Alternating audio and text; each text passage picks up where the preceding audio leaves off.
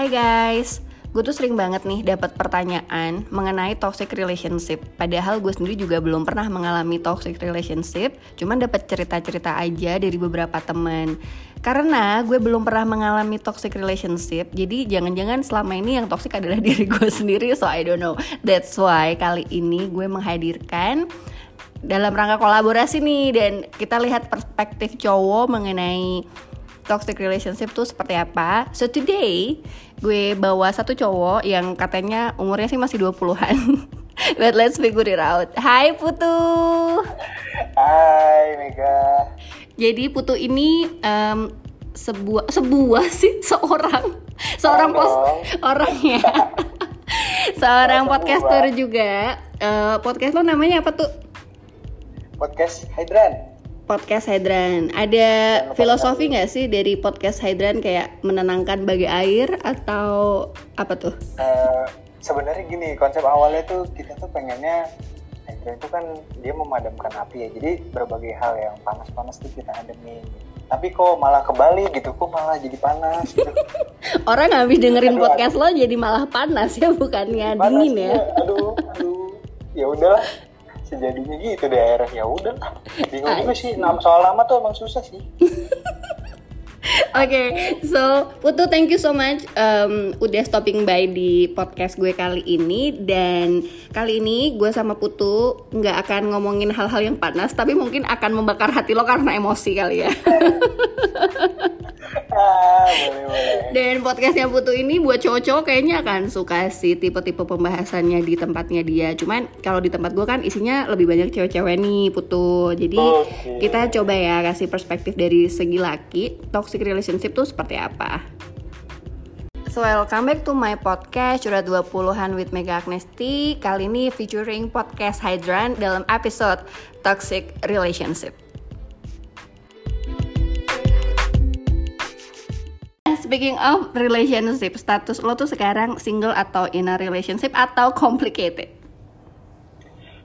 Uh, sih dibilang single enggak, complicated juga enggak. Cuma gue tuh jalanin hubungan sekarang.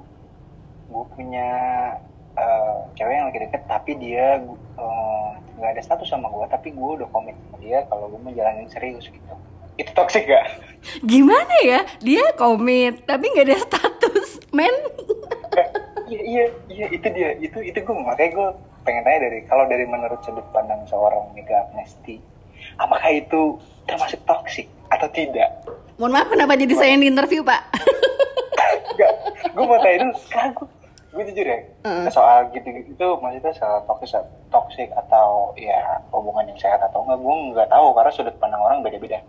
Kalau menurut gue itu kan biasa aja tapi nggak tahu kalau menurut sudut pandang lo apakah itu termasuk toksik atau enggak. Makanya gue nanya dulu di awal kalau menurut lo ya. Mm-hmm. Toxic relationship tuh benar kata lo yang tadi pas kita sebelum mulai recording ya bahwa sebenarnya toxic relationship tuh subjektif. Toxic uh, yang kita alami belum tentu juga dialami orang lain dan definisi toxic itu sendiri kan juga beda-beda ya nggak sih tuh betul betul Nah tapi kalau untuk menjawab pertanyaan lo yang tadi, lo komit mau serius, tapi lo nggak ada status, itu bukan toxic, tapi tapi lebih membingungkan, tau gak sih? Di episode gue, soalnya di episode gue sebelum ini banget, gue tuh ngebahas if he likes you, he will profess. Profess itu artinya dia akan mengakui atau memberikan klaim kepada diri lo bahwa she's mine kayak gitu. Nah kalau lau, anehnya adalah lo nggak punya status tapi komitmen itu lebih ngebingungin lagi sih. Tapi, tapi sis main, sis main. Sis, sis yours. Mine. But without iya, iya, iya, without any label. Iya betul, without any label aja. Itu aja sih bedanya. Tapi secara operasional, secara operasional, ya like ya like have a relationship aja udah status. Cuma memang kayak kayak gini, gue itu jelasinnya gini di awal sama dia. Uh, gue tuh mau jalan ini gue punya experience bad experience nih sebelumnya soal uh, punya status. Terus sekarang gue lagi banyak uh, fokus nih. Terus gue jabarin tuh fokusnya apa? Orang tua gue ini anak satu ya kan? Gue tuh lagi mau nyenengin uh, bokap nyokap terus gue tuh lagi mau ngelarin S2 nih udah semester 4 nih terakhir.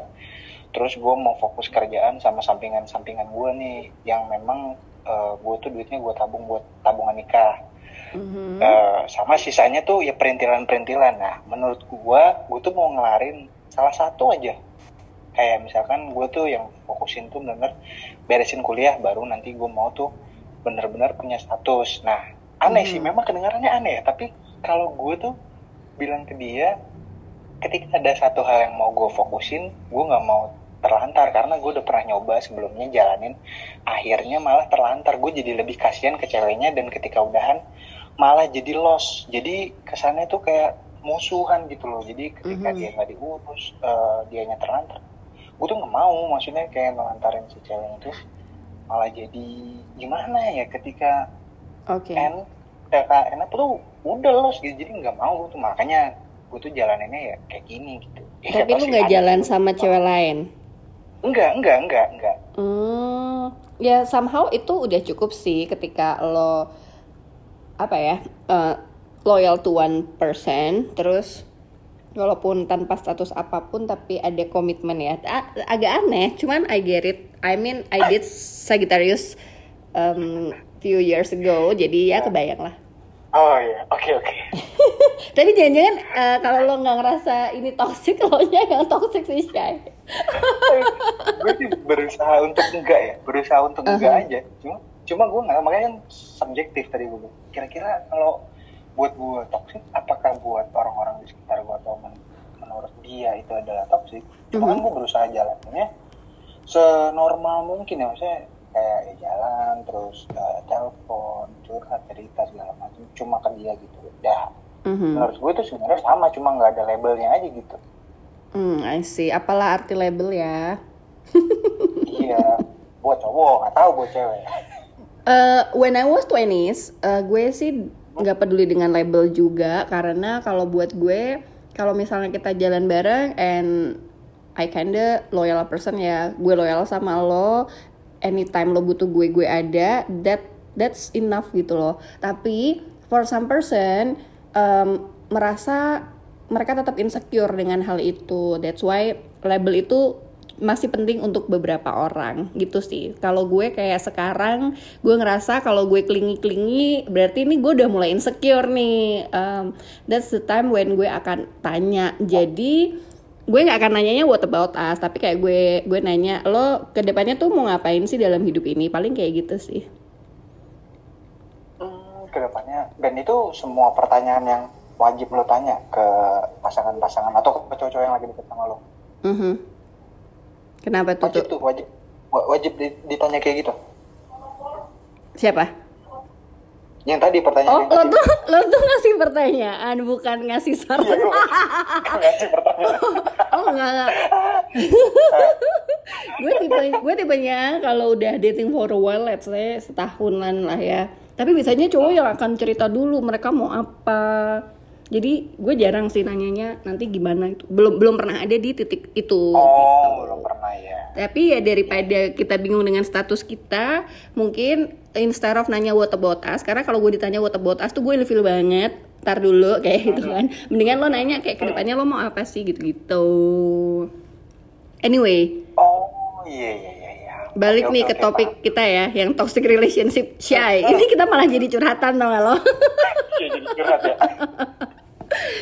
Jadi toxic relationship for some person itu mulai dari verbal abuse, kemudian ada juga tentang posesif, terus belum lagi kalau misalnya blackmailing atau manipulatif juga, terus yang lagi happening lately kan gaslighting di mana lo tuh em, manipulatif aja ke pasangan lo, kalau misalnya pasangan lo salah somehow eh kalau misalnya lu yang salah somehow pasangan lu yang lo bikin gimana caranya lo manipulatif banget bikin dia yang akhirnya malah minta maaf gitu. Jadi banyak sih toxic toxic seperti ini. Nah kalau lo sendiri lo pernah experience this kind of thing nggak? Karena kalau di gue ketika udah mulai umur umur 20-an sih nggak ada sih yang kayak gitu. Kalau gue mungkin ya dari beberapa yang lo sebutin tadi kayaknya gue gue nggak satu gue tuh bukan tipe yang suka main fisik. Gue nggak nggak pernah tuh eh, apa namanya yang yang toxic yang kind of that gitu ya. Tapi kalau posesif iya gue pernah ada di titik itu. Sekarang tapi enggak ya. Gue tuh Mm-mm. semakin lama semakin sadar bahwa hubungan yang ada bumbu posesif itu apalagi posesifnya yang parah ya. Gue tuh Mm-mm. termasuk yang parah posesifnya Zaman dulu. Em, zaman dulu zaman dulu Ini zaman, kuliah zaman sekarang atau tuh awal-awal 20-an? itu awal 20-an kayaknya eh enggak dari zaman SMA gua Anjir. sampai sampai umur Iya iya SMA bener-bener. SMA sampai lulus lulus kuliah sampai kerja di kantor pertama tuh gue udah mulai ah udahlah gue udah tahu tuh posisi tuh gak enak terus udah mulai kayak Mm-mm. nggak sehat nah bedanya dulu sama sekarang posisinya adalah posisinya sekarang itu gue lebih berpikir sehat. Jadi kayak misalkan dia lagi jalan ke mana terus ah, sama siapa gitu terus gue telusurin pasti oh ini sama ini sama ini backgroundnya ini. Tapi gue nggak sampai mm, ngomong ke dianya. Kayak misalkan gue tahu nih gue udah telusurin. Dia ini pernah jalan sama ini pernah kayak gini pernah kayak Lo stalking maksudnya? gue telusurin. Bener stalking terus gue ceritain. Eh jangan sama dia dia tuh begini begini begini. Dia tuh pernah ini. Ini jalannya sama cewek apa sama cowok? Maksudnya? Sama lawan jenis dong. Sama lawan jenis dan lo walaupun stalking. sama teman-temannya juga. Iya dan gue Ah. tuh maunya ya udah dia maunya gue maunya ya dulu sama sama gue aja sih nggak usah sama dia. Nanti dia tuh gini-gini. Malah kadang gue juga Kan temennya Sering. doang, cuy. nggak tahu gak ada yang tahu gak ada yang tahu Oh, lo Kalau melihat misalkan- dari sisi laki-laki Tuh. ya.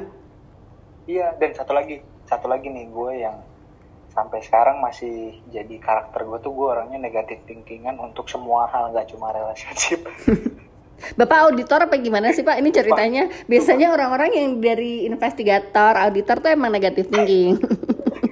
betul betul. Itu parah sih itu nggak bisa gue nggak tahu ya gimana ya cara ngilanginnya nah karena gue punya sifat itu plus gue orangnya posesifan dulu.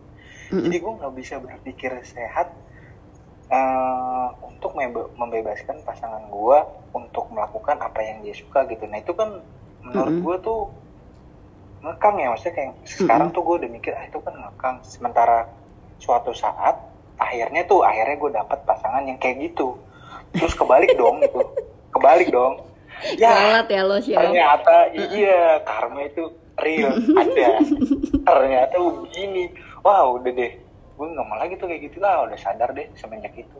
I see. Berarti kita mulai mungkin dari level paling mudah atau paling awal yang kita kenal dengan toxic relationship itu biasanya adalah posesif. Dan benar biasanya ini tuh penyakit-penyakit yang menjangkiti anak-anak yang lebih muda dari kita lah ya usia belasan gitu gue waktu SMA deh ketika lo tadi cerita tentang zaman dulu iya gue ternyata mengalami pas gue SMA pacar gue tuh awalnya cemburuan. Nah, cemburuannya mulai mulai mengarah ke posesif nih karena kan ketika cemburu doang masih enak ya dalam suatu rela- relationship kalau lo dijelasin sama pacar lo gitu. Terus akhirnya kalau lo jalan sama cowok lain dia minta sebaiknya jangan. Nah, itu kan masih anjuran-anjuran ya, Bo. Tapi kalau posesif eh, mulai mengarah ini gak sih tuh kayak misalnya nih gue tuh waktu itu em, gue kan anak basket pulang basket tuh gue langsung dijemput sama dia terus setelah gue gede gue mikir anjir gue nggak pernah ini nongkrong sama teman-teman gue anak basket gara-gara tiap kali pulang basket dulu langsung dijemput sama dia gitu.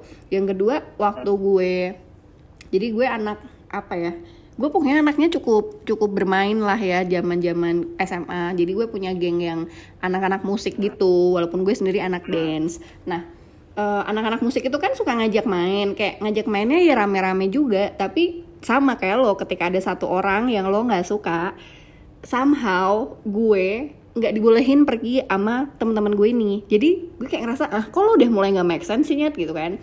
Terakhir kalinya yang menurut gue agak membuat gue mulai sadar bahwa dia itu posesif gue punya sahabat nih. Kita akan ngerjain kayak mading bareng gitu loh. Nah pas pulang papasan sama sahabat gue gimana sih lo? Kayak cuman nyapa gitu doang. Terus tiba-tiba dia bilang the way lo nyapa dia tuh beda katanya gitu. Hah? Jadi you know posesifnya tuh udah mulai nggak jelas gitu tuh terus udah gitu detektif detektif. Eh, eh, makanya dari mana lo tahu eh, gue nyapa dia beda orang sama-sama aja gitu kan. Terus lama-lama tuh dia tuh nuduh-nuduh gue kayak eh, lo pasti selingkuh belakang gue terus eh, handphone gue tuh dicek-cekin. Gue nggak tahu ya at that time itu tuh normal atau enggak. Tapi setelah sekarang gue ngeliat lagi ternyata itu tuh nggak normal ya. Tapi lo sendiri sebagai cowok apakah sampai saking lo posesifnya lo sampai liatin handphone pasangan lo terus setiap kali ada WhatsApp eh, waktu itu nggak WhatsApp ya masih SMS ya SMS dari cowok lain tuh lo baca-bacain terus cari tahu mereka ngobrolin apa terus kayak dude are you losing your mind or something? Ya sih? Betul betul betul. Ya ya memang kayak sebenarnya gini kalau misalkan kalau gua based on experience gue tuh gue ngerasa kalau misalkan posesif ya eh, kalau lu posesif boleh nih misalkan cowok ya tapi lu kasihlah biar dia nggak boring hibur apa gitu. Nah kalau gue tuh udah posesif. Nggak ngapa-ngapain. Aduh aduh. Itu tuh menurut gue parah sih kok. Gue bobrok banget ya parah itu tapi lo sampai gitu. kan lo tadi bilangnya adalah stalking nih sama orang yang jalan sama cewek lo.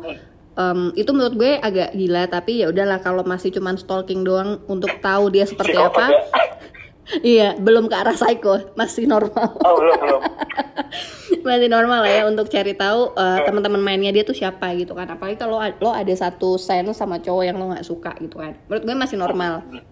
Mengingatkan dia untuk nggak pergi sama dia masih normal. Tapi ketika melarang nah itu menurut gue udah masuk ke situasi di mana lo mulai em, berada dalam fase toxic itu sendiri.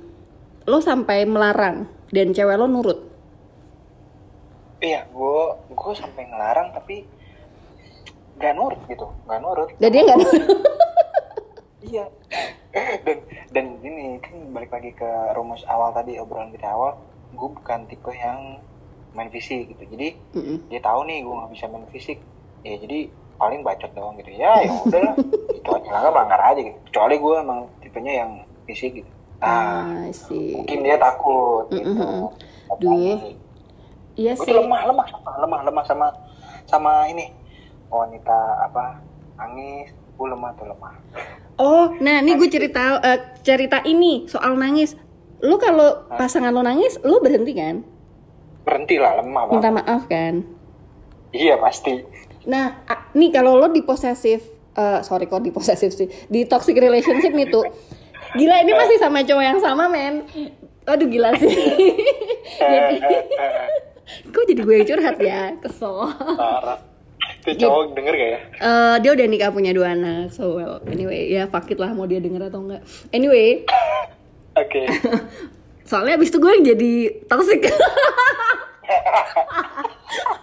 Gue jadi toxic ke dia juga pas pas oh, jadi ya kalau dilanjutin jadi kacau anyway jadi kalau lo cewek lo udah nangis lo akan berhenti kan? Nah ketika lo ada di situasi toxic relationship nah, ketika pasangan lo nangis dan harapan gue memang dia akan berhenti marah-marah sama gue yang ada men itu gila. Dia bilang gini dong tuh eh, gue inget banget. Nggak usah pura-pura nangis cuma buat menyelesaikan berantemnya kita ini. Lo pikir kalau lo nangis gue akan selesai nuduh-nuduh lo kayak gini. Terus kayak dude gue kayak "Hah? ini Oh bukan my God. waktu gue nangis dia bukannya kayak sama seperti cowok normal lainnya yang kayak oke oke sorry ya sorry ya gue keterlaluan gitu. Nggak nggak dia la- malah semakin menjadi-jadi verbal abuse-nya. Tapi ya nggak sampai gimana apa bilang gue eh, bitch pelacur atau apa enggak enggak. Cuman dia malah semakin ngebuat gue ngerasa hah? Makin gue yang ada ketika gue digituin gue gue makin nangis kan. Karena gue ngerasa Iya, bener-bener. cowok gue evil banget gitu gitu kali ya ketika lo ada di situasi toxic eh, salah satu signnya lo nangis bukannya menyelesaikan masalah cowok lo berhenti malah semakin menjadi-jadi. Itu karakter kali ya? Tapi abis dia sama gue nggak gitu lagi tuh oh. Mungkin dia udah udah gede abis itu kayak ngerasa anjir gue Oh, kemarin iya, udah dewasa, childish banget gitu. Betul betul betul, betul. tapi lo sampai buka handphonenya pasangan lo nggak wah gue sampai eh tapi gue buka tapi kayak buka Diam-diam. tapi dulu kan gue nggak terlalu dulu gue gaptek jujur aja dulu gue gaptek pas SMA sumpah sumpah. Gue dulu kuliah aja mau ngambil psikologi cuma nggak boleh. Gue gue suka banget gue tuh suka banget ngebaca pikiran orang perilaku orang gitu. Uh-huh. tapi karena orang tua gue tuh nyaranin ya namanya orang tua zaman dulu ya maksudnya gue jujur aja nih orang tua gue kan pendidikannya rendah tapi dia tuh ngelihat based on sekitarnya dia circle-nya. Oh eh, ambil komputer aja IT jadi nanti nggak gaptek kayak ini bisa bantuin gitu-gitu. Jadi IT tuh Mm-mm. bagus lah masa depannya gitu. Terus gue jadi kayak aduh mau ambil psikologi tapi kok harus orang tua kan namanya anak satu ya anak satu nih ngomongin ngomongin anak satu kan mau nyenengin kan kalau kita ah udahlah akhirnya ngambil IT nah setelah ambil IT baru deh mulai ngerti mulai ini gitu gitu kan. Mm-mm. nah zaman SMA dulu gue nggak begitu ngerti teknologi jadi kayak mau pengen ada perasaan itu tuh pengen. Cuma kayak ngeliat terus ah gak terlalu ngerti akhirnya malas gitu. Akhirnya nggak terlalu ngecek ngecek HP cuma ngeliat kayak sekelebat aja oh kayak gini kayak gini. Dan nggak separah kalau orang-orang kan kayak ada yang zaman SMA tau gak sih lu pernah ngerasain kayak, kayak tukeran nomor handphone jadi pas di SMS eh sorry ini ceweknya nah, dia lagi pakai nomor gue gitu. A- pernah ada gak sih masa-masa gitu? Ada ada. Teman gue ada kayak gitu. gue ada gue kayak gitu juga anjir. Lo menya- eh, lo sampai ke tahap itu? sekali. Tapi habis itu gue ngerasa ah jadi susah komunikasi orang gitu jadi ah nggak usah lah ngapain lah gitu nggak penting gitu. pernah gue sekali nyobain karena gue ngikutin circle orang juga aja gue kebanyakan ngikutin tren Lo FOMO ya anaknya ya? Iya FOMO Gila FOMO banget Jadi wah lagi rame lagi tren gini Ah coba ah Tapi nggak enak Karena balik lagi kayak ini kan Mm-mm. Bukan dari diri gue kayaknya ya. Aneh ya. Komunikasi malah jadi susah. Kalau gue em, di pasangan gue buka handphone gue itu sering banget dulu karena masih satu orang yang sama ya. Dia karena posesif tadi nggak tahu nih, gue juga kesel sama dia. Akhirnya gue putusnya, Ah, oke, oke. eh nantilah gue ceritain belum sampai putus, Bo. Oke. Oke Jadi waktu itu dia suka lihat handphone gue, terus kayak lihat siapa yang SMS gue dan ya temen gue kan cewek cowok pasti ada lah. Nah nanti kalau cowok dan dia ngerasa suspek bahwa ini tuh niatnya lain nanti dia akan gila. Tapi kalau misalnya teman sekelas gue dia akan fine fine aja. Dia nggak tahu aja ternyata gue selingkuhnya main sekelas sama gue. Terus eh, kesel karena gue dituduh mulu. Kayak kamu selingkuh ya? Kamu jalan sama cowok lain ya? Tiap hari main gue dituduh selingkuh mulu. Ya udah daripada eh, dia ini ya dosa nuduh gue mulu gue eh, menghilangkan dosanya dengan beneran selingkuh aja gitu. Nah terus anyway kalau buka-bukaan handphone di masa itu gue ngerasa bahwa eh, ini kayaknya melanggar privasi deh tapi ya udahlah karena dia pacar gue gue kasih. Nah ketika sekarang ketika kita udah umur 20-an masih kayak gitu normal nggak menurut lo tuh sebagai cowok?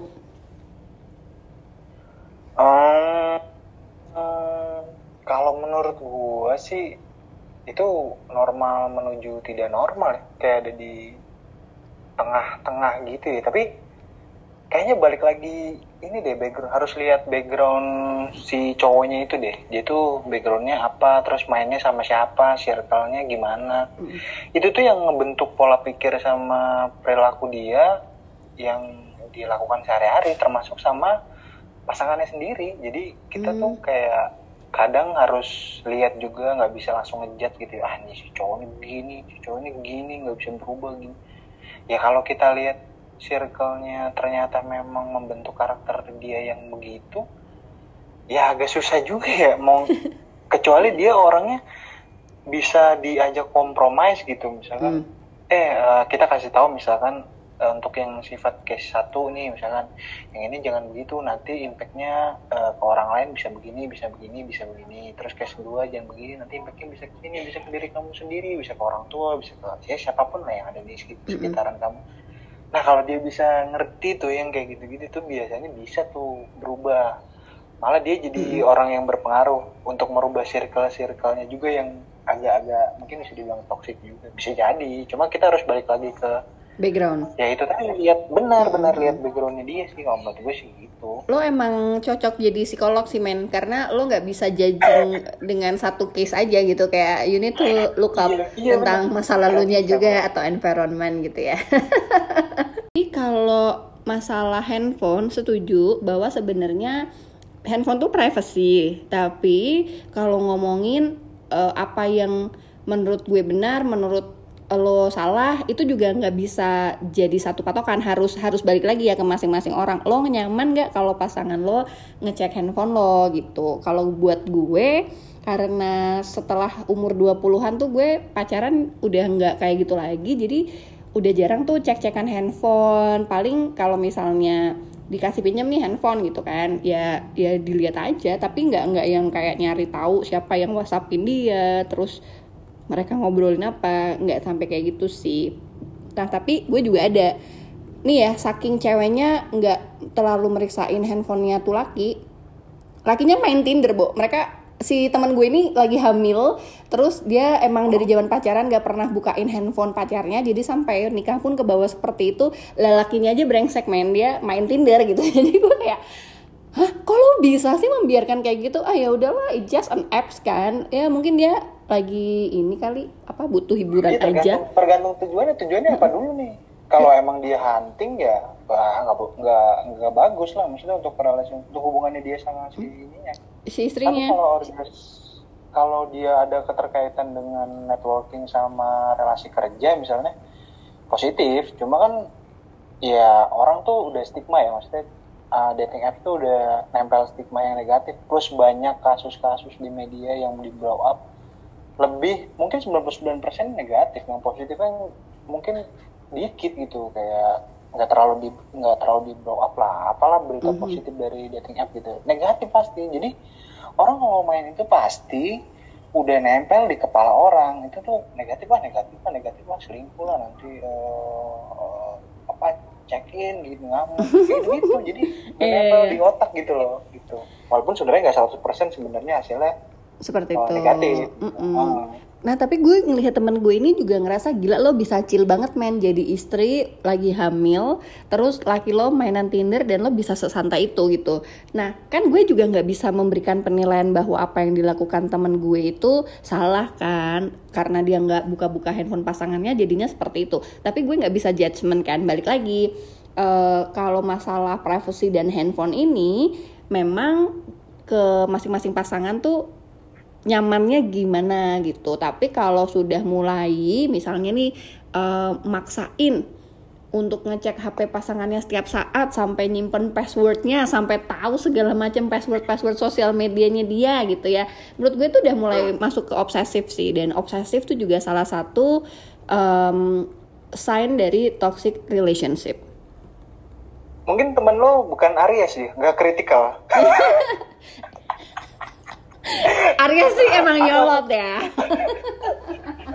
Atau dia tipe yang eh, nggak mau ngambil pusing karena dia lagi ngandung. Mungkin kalau pikirannya negatif terus, nanti kandungannya ber- berdampak gitu kan. Ketika lahiran nanti malah bayinya nggak sehat. Ya mungkin kan nggak tahu juga kita. bisa bisa bisa cuman ya balik lagi kan eh, itu kembali lagi ke karakter orang kita nggak bisa memaksakan oh lo harusnya ngecek handphone pasangan lo atau eh lo nggak boleh tuh melanggar privacy. Balik lagi nih ke masing-masing pasangan.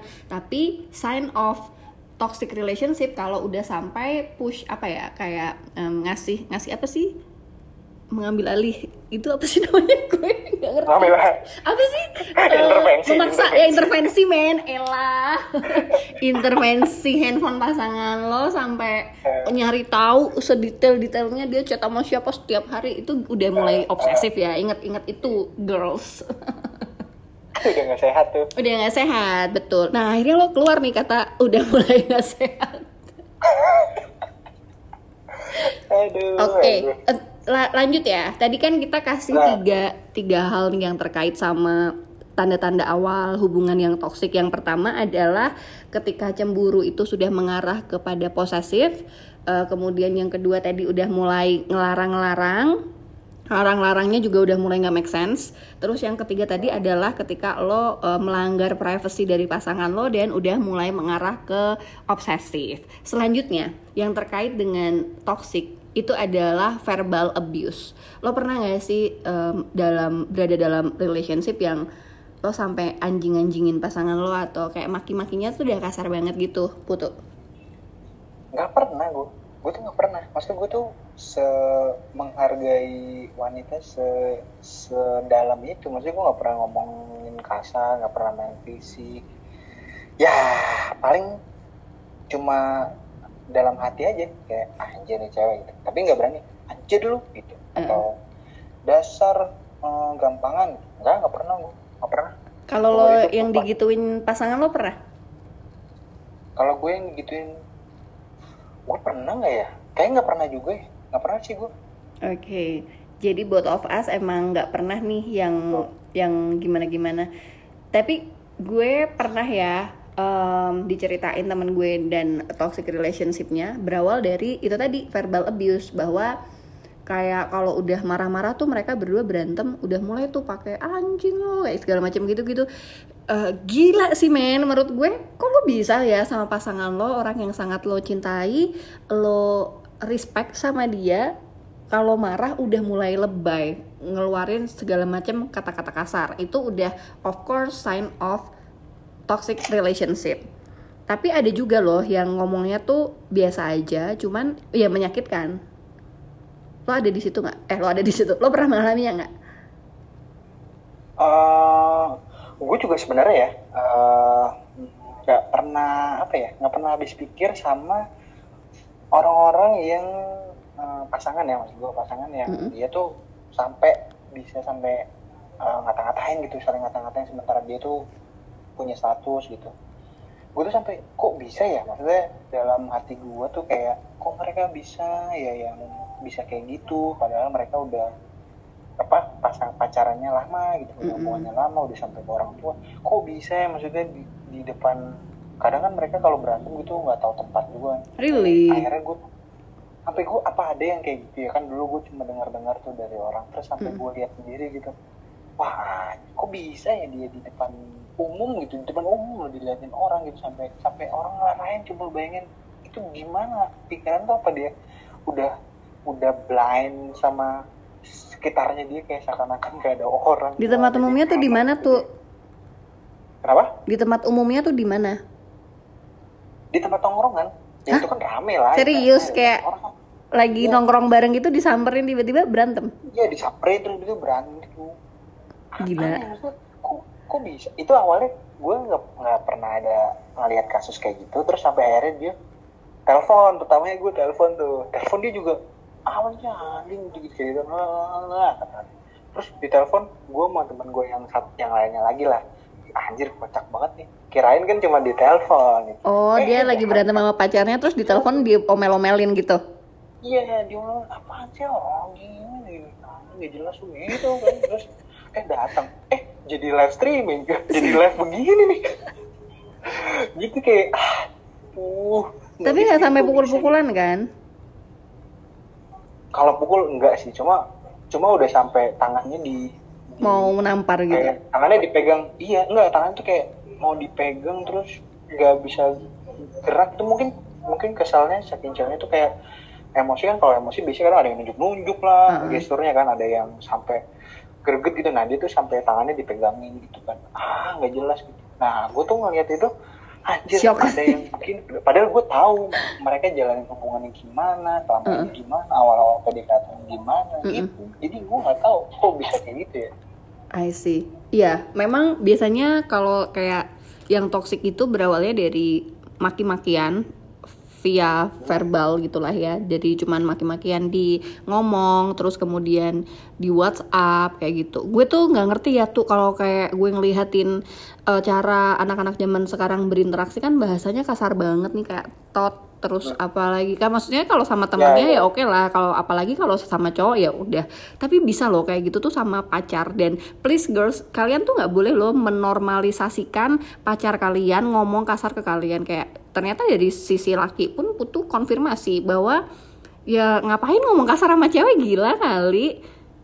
Iya makanya ah, kayak gue tuh kadang mikir gitu kalau gue ada di posisi itu gue tuh gak akan sekuat mental gue tuh gak akan sekuat dia gitu. Sampai Mm-mm. gue kan ngobrol banyak gitu. Sampai akhirnya gue menyadari bahwa memang ada orang yang tipe-tipenya begitu. Terus sampai gue pernah ngobrol juga sama orang ada yang kalau di eh, istilah eh, seksualitas ya ada namanya make up sex. Jadi mereka berantem terus ujung-ujungnya gitu lagi. Gitu sampai gue tahu anjir ada yang begitu. Tapi speaking of makeup sex, emang itu tuh enak sih ketika lo habis berantem gitu ya, terus tiba-tiba lo um, makeup sex gitu. Tapi Ah, ya nggak hanya karena itu lo ngajakin berantem mulu pasangan lo main gila kali. tapi ada yang kayak gitu. Parah gue sampai Serius? garuk-garuk kepala. Anjir masokis sih itu. Iya itu udah masuk ke masokis ya Iya, udah masuk ke kelainan sih menurut gue kalau harus sampai eh, kayak gitu.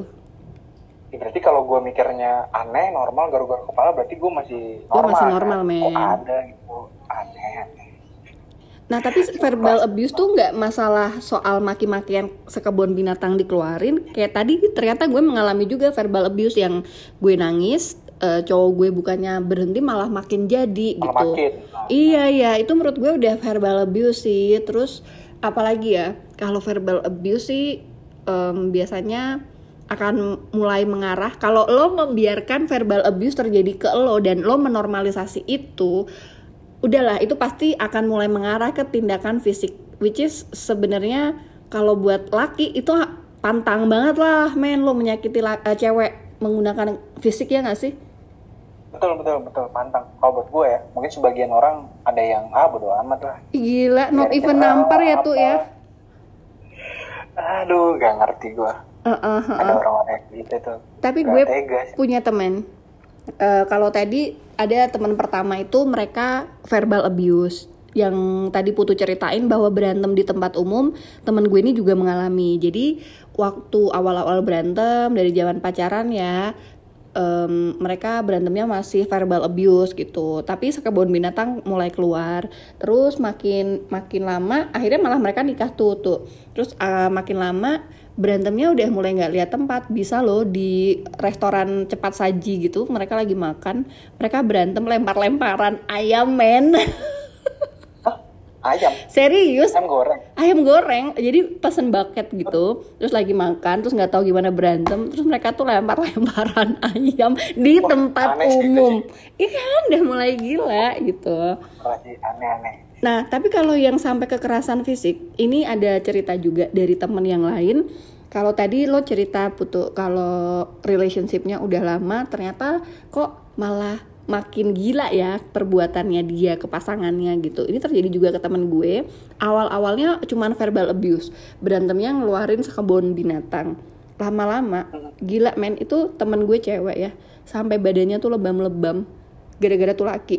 Nah, waktu awal-awal berantem kayak gitu, nah dilanjutkanlah dengan makeup sex. Makanya somehow nih cewek merasa bahwa cowok ini kalau lagi gila-gila sih, tapi kalau dia sayang gue sayang banget sampai kadang memanjakannya berlebih-lebihan gitu kan. Tapi ya most likely hampir bisa tiap hari ada aja yang berantem, posesif parah, kemudian nggak boleh pergi sama cowok lain, terus eh, badannya lebam sampai biru, dia sih nggak mau cerita dia diapain. Kalau biru sih menurut gue udah bukan lagi tampar tapi udah tonjok.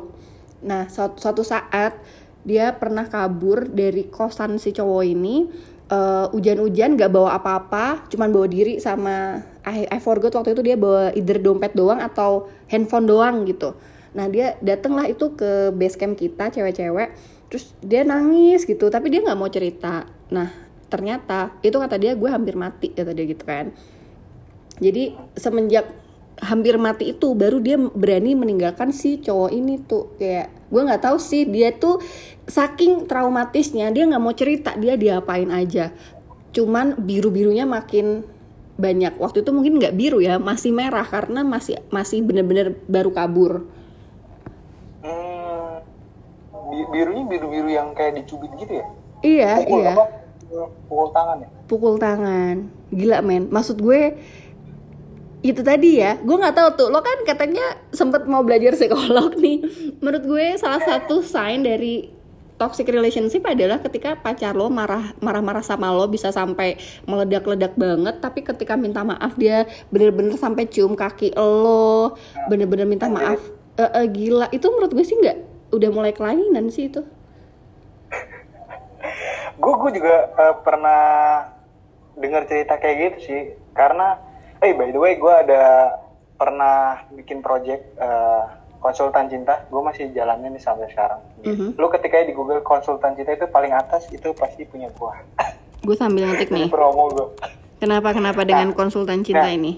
gue pernah banyak banget dapat kasus yang yang mereka tuh cerita uh, tentang hal-hal yang kayak gitu. Maksudnya bahkan ini kalau kalau ditabrakin sama background tadi itu nggak masuk akal kayak backgroundnya itu memang benar-benar orang-orang yang kayak S3 ini lulusan ini Serius? terus ternyata uh, itu tuh tidak ada pengaruhnya uh, sama perilaku mereka gitu ini ini ini, ini dua-dua ya dua sisi ya bukan mm -hmm. hanya satu sisi pria dan wanita tapi mm -hmm. emang dua-duanya ketika ngejalanin pasti ada hal-hal yang kayak gitu. Padahal mereka tuh kalau dibilang pinter pinter pasti dong. Orang lulusan mm -hmm. luar terus S3 terus pengusaha ini satunya dokter satunya anak dari uh, pengusaha jalan tol mana gitu. Waduh. Kadang-kadang tuh gue suka nggak habis pikir kok bisa ya? Maksudnya mereka tuh udah dikasih anugerah gitu. Udah berkecukupan lah ya kalau dari segi ekonomi terus uh, ketika menjalani hubungan ternyata tidak hanya orang-orang yang middle ke bawah aja yang kayak gitu-gitu. Ternyata yang udah kelas uh, sultan juga ada yang gitu-gitu yang sampai kekerasan itu sampai parah banget. Serius? Gue sampai lebih pikir iya gue tuh sampai mikir apa mereka kurangnya apa sih? Spoil kid kali Kenapa? Spoil kid bisa gak sih? Karena lo udah terlalu banyak dimanja untuk dapat apa-apa gampang. Jadi pas lo nggak bisa mendapatkan apa yang lo minta, ada orang yang nggak nurut sama lo, lo oh, mulai deh ya tuh pakai abuse lo of power. Tuh. Betul, lebih iya gimana cara terpu terpuaskan kan? Hmm. Jadi kayak lo bisa pakai kekerasan untuk mendapatkan apa lo yang apa yang lo mau. Bisa jadi kayak gitu, but I don't know ya. Karena gue bukan anak psikolog nih ceritanya. Benar, benar. bisa jadi sih bener-bener juga itu kayak gitu. Cuma kadang kan kita kita kan yang maksudnya ada di posisi yang kayak gini tuh mikir kayak kok bisa? apa mereka iya apa kurang bersyukur kurang beriman kurang beribadah apa environment men. Kayak tadi lo bilang environment meski environmentnya terlihat well educated and well raised children gitu ya yeah. tapi justru mungkin kalau spoil kid gitu bisa jadi uh, tantangannya adalah ketika lo dengan mudah mendapatkan apa yang lo mau dan semua orang nurut kata-kata lo gitu ketika ada yang nggak nurut bisa jadi lo menggunakan abuse of power jadi lo abuse orang yang nggak yang nggak bisa nurutin lo dengan cara-cara seperti itu Iya, iya benar juga bisa jadi bisa jadi. Soalnya memang kalau gue kan circle gue memang yang uh, secara ekonomi middle ya maksudnya nggak terlalu we are all lah men. Kita masih working class men. Ya tapi makanya ketika gue dapet yang tentang kasus yang ternyata dia secara derajat status sosial. gitu ya, mm gue ternyata ada kasus kayak gitu juga ternyata orang-orang yang seperti itu tidak selalu sebahagia orang-orang yang yang sejenis itu ya maksudnya di sosmed yang kita lihat kan orang-orang yang sultan tertentu kayak wah bahagia bahagia tapi ada aja kita cuma nggak tahu aja. Eh, jangan ya. salah, lo inget nggak waktu itu pernah ada artis yang nikah sama pengusaha, terus uh, ada verbal abuse yang dilem diturunin dari mobil, terus udah ditinggal. Ingat nggak? Hmm. Ya pasti lo nggak inget karena lo gak ngikutin gosip nggak kayak gue. baru gue mau bilang. Jadi kelas kelas sosial apa pun tuh bisa aja terjadi sih men. Nggak ngelihat lo kaya lo miskin lo well educated atau lo cuman eh, nggak uh, sekolah gitu ya. Jadi hmm, ini bukan masalah uh, ini bukan masalah status sosial dan juga ekonomi tapi balik lagi ke karakter orang itu. Dan ketika lo menghadapi verbal abuse ataupun lo menghadapi udah physical abuse jangan pernah takut untuk meninggalkan relationship itu. Karena you know what kita masuk ke tahap ketiga nih yang namanya manipulatif. Ketika lo memasuki tahap manipulatif dalam uh, sebuah relationship yang gak sehat udah itu udah fakta sih. Karena udahlah lo tersiksa secara jiwa dan bisa jadi mulai ngerasain fisik terakhir lo kayak secara otak lo ya lo tuh bisa dimanipulasi sama pasangan lo bahwa lo tuh nggak berdaya lo tuh kalau ninggalin dia lo useless lo sampah terus yang terakhir adalah lo jadi korban lah. Padahal sebenarnya um, apa ya kayak tadi yang gue ceritain yang salah pasangannya tiba-tiba pasangannya bisa bikin gimana caranya jadi dianya yang minta maaf kayak gitu. Jadi Hmm, level of level of apa sih namanya um, itu tadi toxic tadi yang paling atas menurut gue ketika udah manipulatif. Jiwa raga otak pikiran lo udah udah udah uh, habis lah konsumsinya untuk menghadapi pasangan kayak gini pernah ada cerita nggak tuh soal kayak gitu?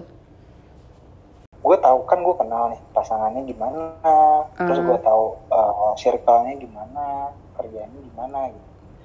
Tapi ketika ada suatu masalah itu seakan-akan dia biasa aja ketika misalkan uh, ceweknya datang telat atau apa.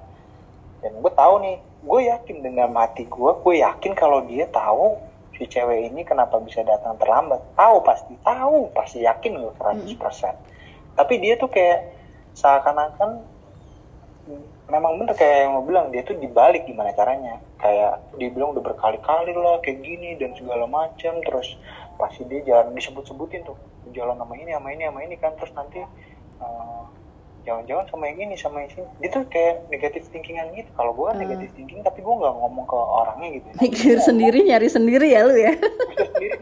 Kalau gue kan dia untuk memvalidasi apa yang ada di pikiran gue gitu. Tapi gue nggak sampai menyampaikan hal yang gue pikirkan itu ke lawan atau pasangan gue lah gitu. Kalau Hmm. dia tuh udah kayak udah di depan umum terus dia ngomong disebut-sebutin perintilan-perintilannya. Dan untungnya maksudnya si ceweknya itu bukan tipe yang bangor maksudnya bukan yang kayak di debat gitu loh jadi Mm-mm. ceweknya tuh mungkin tidak terlalu sayang kali ya baik lagi ke soal yang tadi soal sayang tuh dia mungkin terlalu sayang jadi kayak ya udahlah dia nggak bisa ngelawan apa apa gua kan kasihan mas kita tuh yang di luar di luar mereka tuh kayak ngeliatnya apaan sih nih kayak gini banget maksudnya Mm, mm, mm. kayak mau belain tapi ntar ikut campur kayak gimana ya malah Iya. jadi runyam gitu malah makin runyam gitu sementara di luar kalau ngeliat kita iya anjir kasihan banget ya paling gua nggak pacarnya ya. gitulah kalau iya paling nggak gue nggak melakukan hal yang sama dengan Hmm. pasangan gue atau orang-orang yang ada di sekitar gue gitu lah udah cukup gue tahu lihat doang gitu doang sih Hmm. udah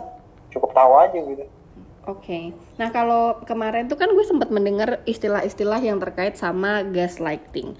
Gue sambil cari dulu ya di Google eh, sebenarnya gas gaslighting ini tuh apa sih artinya?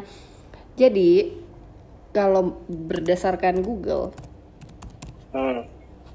bentar lama.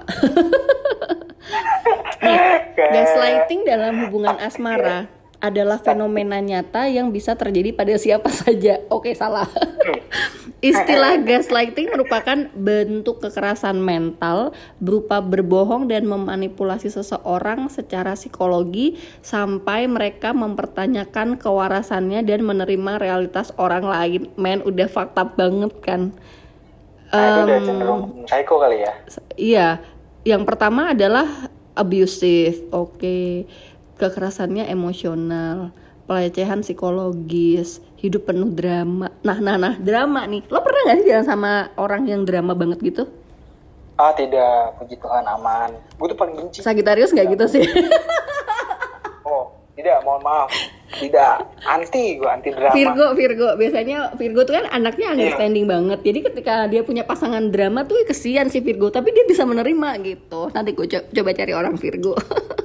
gue nggak bisa sih sumpah nggak bisa apaan sih nggak jelas Nah, gaslighting ini berawal dari manip- manipulatif itu tadi. Tuh, kalau yang gue ketahui ya. Jadi, hmm. tadi yang gue cerita teman gue am- hampir eh, hampir mati gara-gara kekerasan yang dilakukan pacarnya, dia juga mengalami tindakan manipulatif oleh pasangannya tersebut. Jadi, seolah-olah tuh eh, lo tuh nggak bisa hidup tanpa dia, bahwa lo tuh sampah, lo tuh dipungut sama dia dan jadi lebih baik setelah sama dia. Tapi jadi ketika lo ninggalin si cowok ini, lo akan useless lagi gitu. Terus eh, hidup lo tuh nggak guna, kayak gitu bisa sampai ke arah sana. Jadi kalau teman gue ini Oh ini sorry, ini bukan teman gue. Jadi pernah ada yang yang mengalami abuse kayak gini, sampai dibilang gini, ah lo kan udah nggak perawan, lo tuh ya putus sama gue, lo tuh nggak nggak akan guna, nggak ada laki yang mau sama lo lagi. Ada sampai kayak gitu men. Dan si Eh, cewek ini gila kan ketika tapi ya tapi ya ada loh sampai sekarang gue yakin masih ada orang yang di abuse kayak gitu uh, verbally dan mentally jadi pada akhirnya ketika lo tiap hari denger lo udah nggak perawan lo nggak nggak guna lo sampah lo useless abis lo putus sama gue nggak ada orang yang mau lagi sama lo tiap hari dia dikasih makan kayak gitu otaknya sometimes bukan sometimes someday dia akan percaya itu kenyataan itu realitasnya dan dia akan mempertanyakan kewarasannya itu tadi bener nggak ya orang tuh nggak mau nerima gue lagi? Bener nggak ya gue tuh sampah? Eh mau nggak ya orang tua mau orang tua gue memaafkan gue? Ada loh tuh yang kayak gitu. Jadi ketika lo udah sampai ke tahap ini itu udah Wah udah gila dan pada akhirnya orang-orang yang kayak gini tuh nggak berani ninggalin pacarnya yang toksik meski dia tahu itu toksik tapi itu tadi karena dia dikasih secara mental abuse setiap saat setiap hari dan mempertanyakan kewarasan lo lo nggak berani ninggalin karena ketika lo ninggalin lo ngerasa lo sampah Hmm, ya, ya banyak. Itu itu kayaknya udah dari zaman dulu tuh. Mhm. Istilah-istilah gitu tuh. Wah, udah gak ada mau lagi lu. Terus serius mau lo mashup lagi tuh. Ujung-ujungnya apa? Ya, break juga. Selesai juga. Ah, gak ngaruh. Tapi zaman sekarang kalau masih ada kayak gitu aneh sih. masih men Masih ada ya? Masih masih ada ya? ada masih ada banget ya itu tadi karena pasangannya manipulatif jadi lo di, di dibuat lo tuh percaya bahwa lo tuh sampah gitu lo putus sama gue tuh lo lo tetap akan jadi sampah lagi lo useless orang nggak ada yang mau sama lo kayak gitu mungkin ya mungkin um, gue nggak tahu karena ini juga kasusnya udah lama sih yang gue denger ini tapi apakah sekarang masih ada itu gue yakin masih ada karena kalau eh, lihat di sosial media makin banyak yang kayak gitu Hmm. Dan lo inget gak sih? Kalau Eh. dibanding dulu emang sekarang Hah? jauh. Dulu kan kayak kayak gitu-gitu tuh sering, tapi sekarang kayak makin lama makin berkurang, makin berkurang, makin berkurang. Nggak separah dulu. Lo inget gak sih yang waktu berapa lama di Twitter, katanya kan lo anak Twitter nih, pasti denger dong waktu itu ada cowok-cowok yang yang fuckboy fuckboy gitu, yang eh, ceweknya hamil, terus disuruh gugurin, tapi di abuse, terus dibilang eh, sampah lah, apalah, terus udah gitu, pokoknya cowoknya abuse banget. Lupa gue sih namanya dan juga eh, ceritanya. Eh banyak itu kasusnya, banyak banget. Iya kan? Kalau di Twitter ada threadnya sendiri kan bahkan. Ada iya iya iya benar. Nah itu sih udah udah pasti itu toxic relationship banget men. Tapi sebagai wanita, sebagai wanita ya, ketika lo memiliki rasa percaya diri yang rendah banget karena lo udah misalnya lo udah have sex sampai lo hamil sampai lo disuruh ngegugurin kandungan sama pasangan lo terus udah gitu pasangan lo abuse banget tiap saat kayak gitu sama lo lo tuh jadi mempertanyakan diri lo juga men. Kayak ya itulah low self esteem itu tadi yang pada akhirnya kelemahan-kelemahan lo yang diketahui sama pasangan lo pasangan lo itu mempergunakannya untuk nyerang lo terus gitu. Dan ya kalau lo lo baca di Twitter kayaknya nggak make sense gitu si cewek ini nggak bisa ninggalin. But the thing is it is real. Dan kalau lo ngomong status sosial status ekonomi eh, pendidikan ya mereka berasal dari keluarga yang sangat baik gitu. Sehingga ya well relationship yang zaman sekarang tuh udahlah complicated makin gak sehat. Tapi semoga dengan apa yang kita sampaikan guys baik gue maupun putu me- merasakan bahwa kita nggak pernah ada di relationship yang separah itu. Jadi kalau lo ada di keadaan yang nggak jelas gitu ya tuh ya? Atau apa? Hmm, gak jelas tuh, bener, bener gak jelas, Iya. abstrak.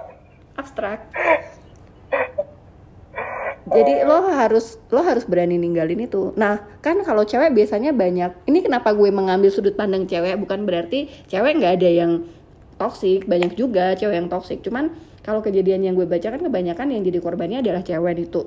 Mungkin lo sebagai cowok ada ada tips buat cewek-cewek untuk menghindari em, toxic relationship Tips buat cewek-cewek kalau dari gue, lu harus bisa ngerasain dari awal sih. Maksudnya ketika lu starting relationship sama orang gitu yang lu udah yakin, jangan 100% yakin lah. lo harus punya rasa pikiran negatif sih lo harus tahu tuh gimana uh, historinya. Nggak usah terlalu jauh sih histori yang terdekat aja. Karena kalau terlalu jauh takutnya emang orangnya kan udah berubah udah terlalu jauh. Mm-hmm. yang terdekat aja kalau lo udah nyadar ada potensi agak nanti ke depannya tuh wah ada pengaruh uh, balik lagi ke situ arah situ lu nggak usah ngomong gitu. Lu cukup rasain aja terus ketika udah ada tanda-tanda atau pergerakan dia mengarah ke situ nah lo tuh udah mulai kunci tuh si pasangan lo itu supaya dia tuh tidak melakukan hal yang sama dengan yang pernah dilakukannya di masa lalu. Pokoknya jangan 100% percaya sih. Ini kalau kadang orang cewek tuh kalau udah baper buta ya. Kayak ah oh, sayang bodoh amat. nggak buta budak. nggak tahu ya maksudnya kalau kalau gue ngeliatnya kayak ah orang dia udah masa lalu gitu. Tetap lu jangan 100% hmm. gue, gue juga nah terakhir nih sebelum gue menutup sesi ini Uh, gue mau cerita lagi tentang kelanjutan temen gue yang dari pacaran itu udah verbal abuse dan pada akhirnya tadi berantem di restoran cepat saji lempar-lemparan ayam tuh tuh. Jadi um, berawal dari uh, jelas-jelasan yang gak jelas, kemudian dilanjut dengan posesif, kemudian dilanjut dengan verbal abuse, physical abuse gue ngerasa sih kayaknya enggak, cuman lempar-lemparan ayam di tempat umum sih menurut gue. Ya kalau gue diceritain sih kocak ya. kalau buat gue sih kocak. Tapi kocak ya bener, humor itu humor. Iya kan? Tapi terus ternyata mereka tuh memutuskan untuk menikah. Uh, dan jangan jangan salah nih kalian tuh nggak boleh berharap lebih pada pernikahan yang bisa sampai merubah seseorang man it won't happen gak sih hmm betul betul betul pernikahan itu nggak akan betul merubah banget. perilaku pasangan lo. Yang ada kalau lo sekarang lihat dia baiknya cuma 80% udah nikah bukannya menikah jadi 100% turun turun. Turun tahu tuh. turun karena udah udah nikah ya gak sih? Dan itu yang terjadi ke temen gue ketika udah nikah mereka mas, masih lanjut toksik lanjutlah lagi tuh mungkin punya anak berubah. Lah sama aja punya anak ini gue sedih sih uh, dia tuh berantemnya depan anaknya. Nah can you imagine you bring satu nyawa ke dunia untuk menyaksikan ketoksikan hubungan kalian dan lo bisa bisa banget gitu berantem depan anak lo? Ya apa anak lo nggak jadi traumatis dengan hubungan-hubungan kayak gitu? Atau bisa jadi tuh karena lo tadi bilang ya uh, tergantung dari environment. Ketika anaknya melihat berantem depan umum uh, maki-makian seperti itu adalah hal yang wajar ya jangan kaget kalau anak lo nanti jadi seperti itu juga. Ya gak sih? Iya benar-benar. Ada ada pengaruh itu juga sebenarnya. Mm -mm. dan ketiga uh, tadi kan yang kedua adalah kalau lo berharap dia berubah setelah punya anak lo salah karena itu nggak akan ngerubah. Dan ketiga ternyata perceraian pun nggak merubah mereka men. Jadi waktu mereka udah cerai pun masih tuh berlanjut kayak gitu. Karena kan mereka masih parenting bareng which is niatnya bagus ya bisa normally hmm. parenting bareng gitu. Tapi ya mereka masih lanjut berantem berantem juga. Sehingga um, at the end of the day kalau lo udah ngerasa hubungan lo toxic just leave it. Nggak usah nunggu nanti kalau dia nikah berubah nanti kalau dia punya anak berubah ya sampai gitu aja terus sampai nanti uh, apa namanya kuda bisa nyanyi gitu gak, gak bisa gak bisa iya, iya. pokoknya seperti yang Putu bilang tadi kalau lo udah ngelihat sign uh, apa namanya dari masa lalunya misalkan udah lo lo jangan 100% percaya dia bisa berubah karena status uh, ataupun anak nggak akan bisa merubah karakter dari seseorang kalau mau lau harus itu tuh apa namanya terapi dulu ke psikolog psikiater gitu bahwa iya, betul. dan dan melihat bahwa uh, gue tuh punya masalah secara mental gitu dan gue mau berubah. Nah kalau misalnya pasangan lo udah mulai mengarah ke situ bisa jadi memang dia mau berubah. Tapi kalau kayak um, lo berharap dia berubahnya karena status nggak mungkin gitu ya. Betul betul betul betul sekali itu. Eh tapi kadang ya tuh orang tuh nggak sadar loh dia lagi di toxic relationship. Karena um, kayak yang gue alami waktu SMA itu gue baru sadarnya kan sekarang ya setelah cerita sama lo oh iya anjir gue pernah mengalami nih toxic relationship Yeah, gitu yeah. jadi em, kalau misalnya sekarang lo nggak sadar lo ada di toxic relationship lo look back lo tanya ke teman-teman di circle lo kalau pasangan gue kayak gini tuh wajar nggak sih gitu? Kayak misalnya tadi ya yang satu adalah posesif berlebih udah mulai ngelarang kemudian eh, mulai cek HP lo eh, secara gila-gilaan gitu. Lo cek dulu ini bener atau enggak dan lo harus em, ke teman-teman lo nanya dulu gitu. Dan yang kedua tipsnya adalah lo gimana ya kalau untuk cewek-cewek yang harga dirinya mulai ngerasa nggak berarti kemudian yang lo self esteem lo ada saran nggak untuk orang-orang yang ngerasa seperti itu? Banyak-banyak ini sih banyak-banyak Begaul. riset. Mas gue eh banyak apa? banyak-banyak riset. Riset riset. Lu oh tuh riset. eh, ya riset. Lu tuh riset kira-kira sekarang tuh informasi udah banyak banget kan akses. Kasus-kasus Hmm. yang aneh tuh memang ada gitu. Lu bisa riset dari internet aja gitu. Kalau gue kan memang untuk yang di kejadian nyata tuh gue pasti melipir. Tapi gue melipir tuh bukan berarti gue eh, tutup kuping tutup mata juga dari kenyataan yang ada di dunia. Gue pasti ya bakal cari-cari kasus yang kurang lebih seperti itu tapi dengan sudut pandang yang berbeda. Dan gue tuh harus tahu penyelesaiannya dia tuh bagaimana gitu. Jadi ketika minimal ada kadang kan kita nggak tahu aja kayak mungkin teman dekat kita circle dekat kita mengalami hal yang sama terus dia kadang ngobrol atau uh, curhat ke kita kita bisa kasih advice yang bagus untuk dia berdasarkan hasil yang kita lihat dari riset yang kita cek tadi gitu misalnya gitu ya tapi Mhm. pokoknya lakukan semua hal yang menurut lo nyaman buat diri lo sendiri jangan jangan lakukan buat uh, yang nyaman buat orang lain gitu gue menurut Mhm. gue sih gitu aja I see. Nah, uh, speaking of tadi kalau cewek-cewek yang udah ngerasain dimanipulatif oleh pasangannya ataupun cowok juga bisa dimanipulasi kan sama pasangannya. Oh, kalau lo ngerasa fucked up pikiran lo, menurut gue lo harus punya support system yang tepat ya nggak sih? Lo jangan pernah takut betul, untuk betul. speak up. Lo jangan Hmm. ya kan lo jangan pernah takut speak up jangan pernah takut cerita ke temen lo jangan jangan pernah malu biasanya orang tuh untuk nyari support misalnya malu nih biasanya. kayak kan nggak banyak ya cewek yang berani ngaku ya gue misalnya have sex pertama gue tuh sama si cowok ini akhirnya setelah putus dia tuh takut banget untuk membuka diri lagi bahkan untuk meninggalkan cowok ini ketika udah toxic pun dia takut gitu. Ah. kayak ladies kamu em, harga diri lo itu tidak hanya dilihat dari keperawanan. So kalau lo berada dalam relationship yang gak sehat hanya karena lo melakukan pertama kali sama si cowok ini lo jangan pernah takut untuk meninggalkan dia kalau emang dia nggak baik buat lo gitu Eh, what your comment about this putu Kalau gue itu benar sih, maksudnya eh, itu pola pikir yang jadul ya. Kalau menurut gue mikir-mikir hal yang eh gue tuh takut ya maksudnya eh, pikiran orang tuh kayak, aduh gue tuh udah sama dia gitu, gue tuh nggak bisa jadi apa-apa, gue adalah sampah dan segala macam. Hmm. Gila kali lu cuma kayak gitu doang lu tuh mikirnya sampai sejauh itu ya, walaupun memang ya habis gimana dong udah terlanjur segala macam. Ya elah, maksud gua masih banyak gitu hal yang bisa lo lo lo kasih gitu ke orang tuh gak cuma Mm-mm. soal itu gitu loh. Kalau misalkan lo masih bisa jaga itu tapi perilaku lo lo nggak bisa ngasih value yang lebih dari diri lo Mm-mm. Ke orang lain juga sebenarnya lebih busuk gitulah menurut gua. Iya, iya, iya, iya. Jadi sebenarnya mm, menurut gue ketika lo udah makin gede ya, sex is just a basic need.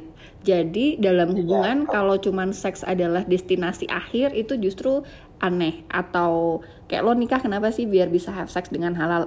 Dude, it's not about this. Jadi ketika lo ngerasa bahwa gue nggak akan bisa dapet cowok baik-baik lagi ketika gue udah udah nggak nggak virgin gitu, Uh, stop that kind of thought. Uh, bahwa cowok yang baik pun nggak akan mempermasalahkan hal yang nggak lo lagi miliki gitu lo. Ada banyak aspek dalam diri lo yang bisa dilihat mulai dari karakter lo uh, ketulusan hati lo dan ya ada lebih banyak lagi lah ya. Betul, betul Mm-mm. sekali. terakhir apa ya tipsnya kalau untuk orang-orang yang ada dalam toxic relationship untuk menyudahinya Kalau kalau buat gue ya dari gue nih ya, misalkan Mhm. lu udah ngerasa itu toxic, eh, toxic ya udahlah, tinggalin lah. ya udah the only thing ya tinggalin ya nggak sih oh dan putus Iyalah, semua komunikasi sama pasangan ini Optional. Iya. kalau udah udah baper gitu misalnya udah sayang banget nih Heeh. tapi oh nggak bisa hidup nih aku tanpa dia nggak bisa nggak bisa lo tinggalin dah bener udah udah satu satu jalan keluar hanya itu sih menurut gua karena lu nggak bisa ngubah atau menyulap karakter orang kan? Mm-mm. kecuali lu bisa ya. Lu psikolog terus lu ngobrol-ngobrol pakai cara psikologi lu tuh biar dia berubah. Mungkin bisa tuh. Tapi kalau lu wanita biasa ya. Sudahlah tinggalin aja lah. Kayak nggak ada orang lain aja. Itu Ingat ya, inget ya lo tuh cuman pasangannya ya, bukan psiko psikolognya dia. Kalau misalnya lo berusaha merubah karakteristiknya dia seakan lo psikolog, abis ngedate lo charge dia untuk biaya terapi dan juga iya bener. Bayar lo aja Enak aja lo, lo pikir enak dengerin sama orang ya sih? iya lah bayar lah gila lo Jadi gitu guys tentang toxic relationship. Oke kita wrap up ya tuh untuk apa yang tadi kita ceritain. Em, jadi selama tadi ketika ngomongin toxic relationship yang awalnya gue ngerasa gue nggak pernah ada di situ ternyata gue pernah ada di situ dan I'm not proud of it. Terus yang kedua apa tadi ya? Oh ya tanda-tandanya adalah em, mulai jealous nggak jelas, posesif, eh, terus obsesif, kemudian mengarah ke kekerasan berupa verbal abuse, physical abuse, dan level yang paling atas tadi menurut gue adalah ketika udah manipulatif dan mentally abuse atau yang disebut gaslighting. Yang ketiga, tadi kita udah kasih saran ya tuh apa aja yang tips bisa lo lakukan untuk menghindari segala macam toxic relationship. Kalau Putu tadi trace eh, masa lalu karena dia anaknya kayaknya suka banget tuh membuka-buka luka lama. Trace masa lalunya, cari ada yang out atau enggak dari pasangan lo. Kemudian kalau lo udah tahu bahwa masa lalunya ternyata dia abusive, ya ngapain? Mendingan langsung tinggalin dari awal ya tuh ya. You save your time, you save your life, you save your feeling, right? Terus riset, emang si Putu nih anaknya suka uh, trace masa lalu, stalking, riset. lo harus Aduh. lo harus berani riset ya untuk mencari tahu uh, apa yang gue alami ini tuh normal nggak sih? Nah sebenarnya kalau gue lebih kayak ngasih tips, em, lo cerita ke teman-teman lo, lo op- berani open up, kemudian lo cari circle yang bisa menjadi support system dan em, well nggak usah malu dengan apa yang lo alami. Eh, lo ceritakan, lo cari support system yang bisa membuat lo akhirnya meninggalkan pasangan toksik lo ini dalam relationship yang penuh toksik ini juga. Dan terakhir, kalau misalnya emang udah bener-bener membuat lo gila, nggak waras, tinggalin lah pokoknya karena you are you're worth it. Lo tuh lo tuh sangat valuable, lo sangat priceless. Jangan jangan sampai cowok-cowok ataupun cewek-cewek yang menjadi pasangan lo bisa membuat lo berpikir lo useless, lo sampah. You are not. Ya nggak sih tuh? betul sekali betul Nih ya, gue gue tuh bikin podcast sama Putu yang ngomong gue juga. lu tuh lebih lebih capable ketimbang gua karena kan listener lu tuh cewek lu Iya. cowok dong ya lo yang mau konfirmasi ya. iya gua hanya memberikan sudut pandang yang gua tapi yang harus tetap pendengar lo ambil ya sudut pandangnya cewek lah gitu kan Iya iya iya, iya. Eh nggak juga loh, nggak juga loh. Kan kadang kita Oh, iya. juga butuh natural opinion dari sisi laki.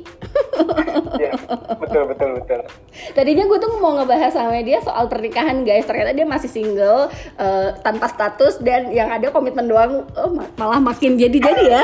Tidak ngerti lagi sama dia. makin terusan ya ampun waduh ada-ada aja Oke oke, thank you so much tuh udah hadir di terima kasih sini. juga sama-sama And thank you buat kalian yang sudah dengerin episode kali ini. Mudah-mudahan walaupun penuh ketidakjelasan ya, semoga tetap bermanfaat.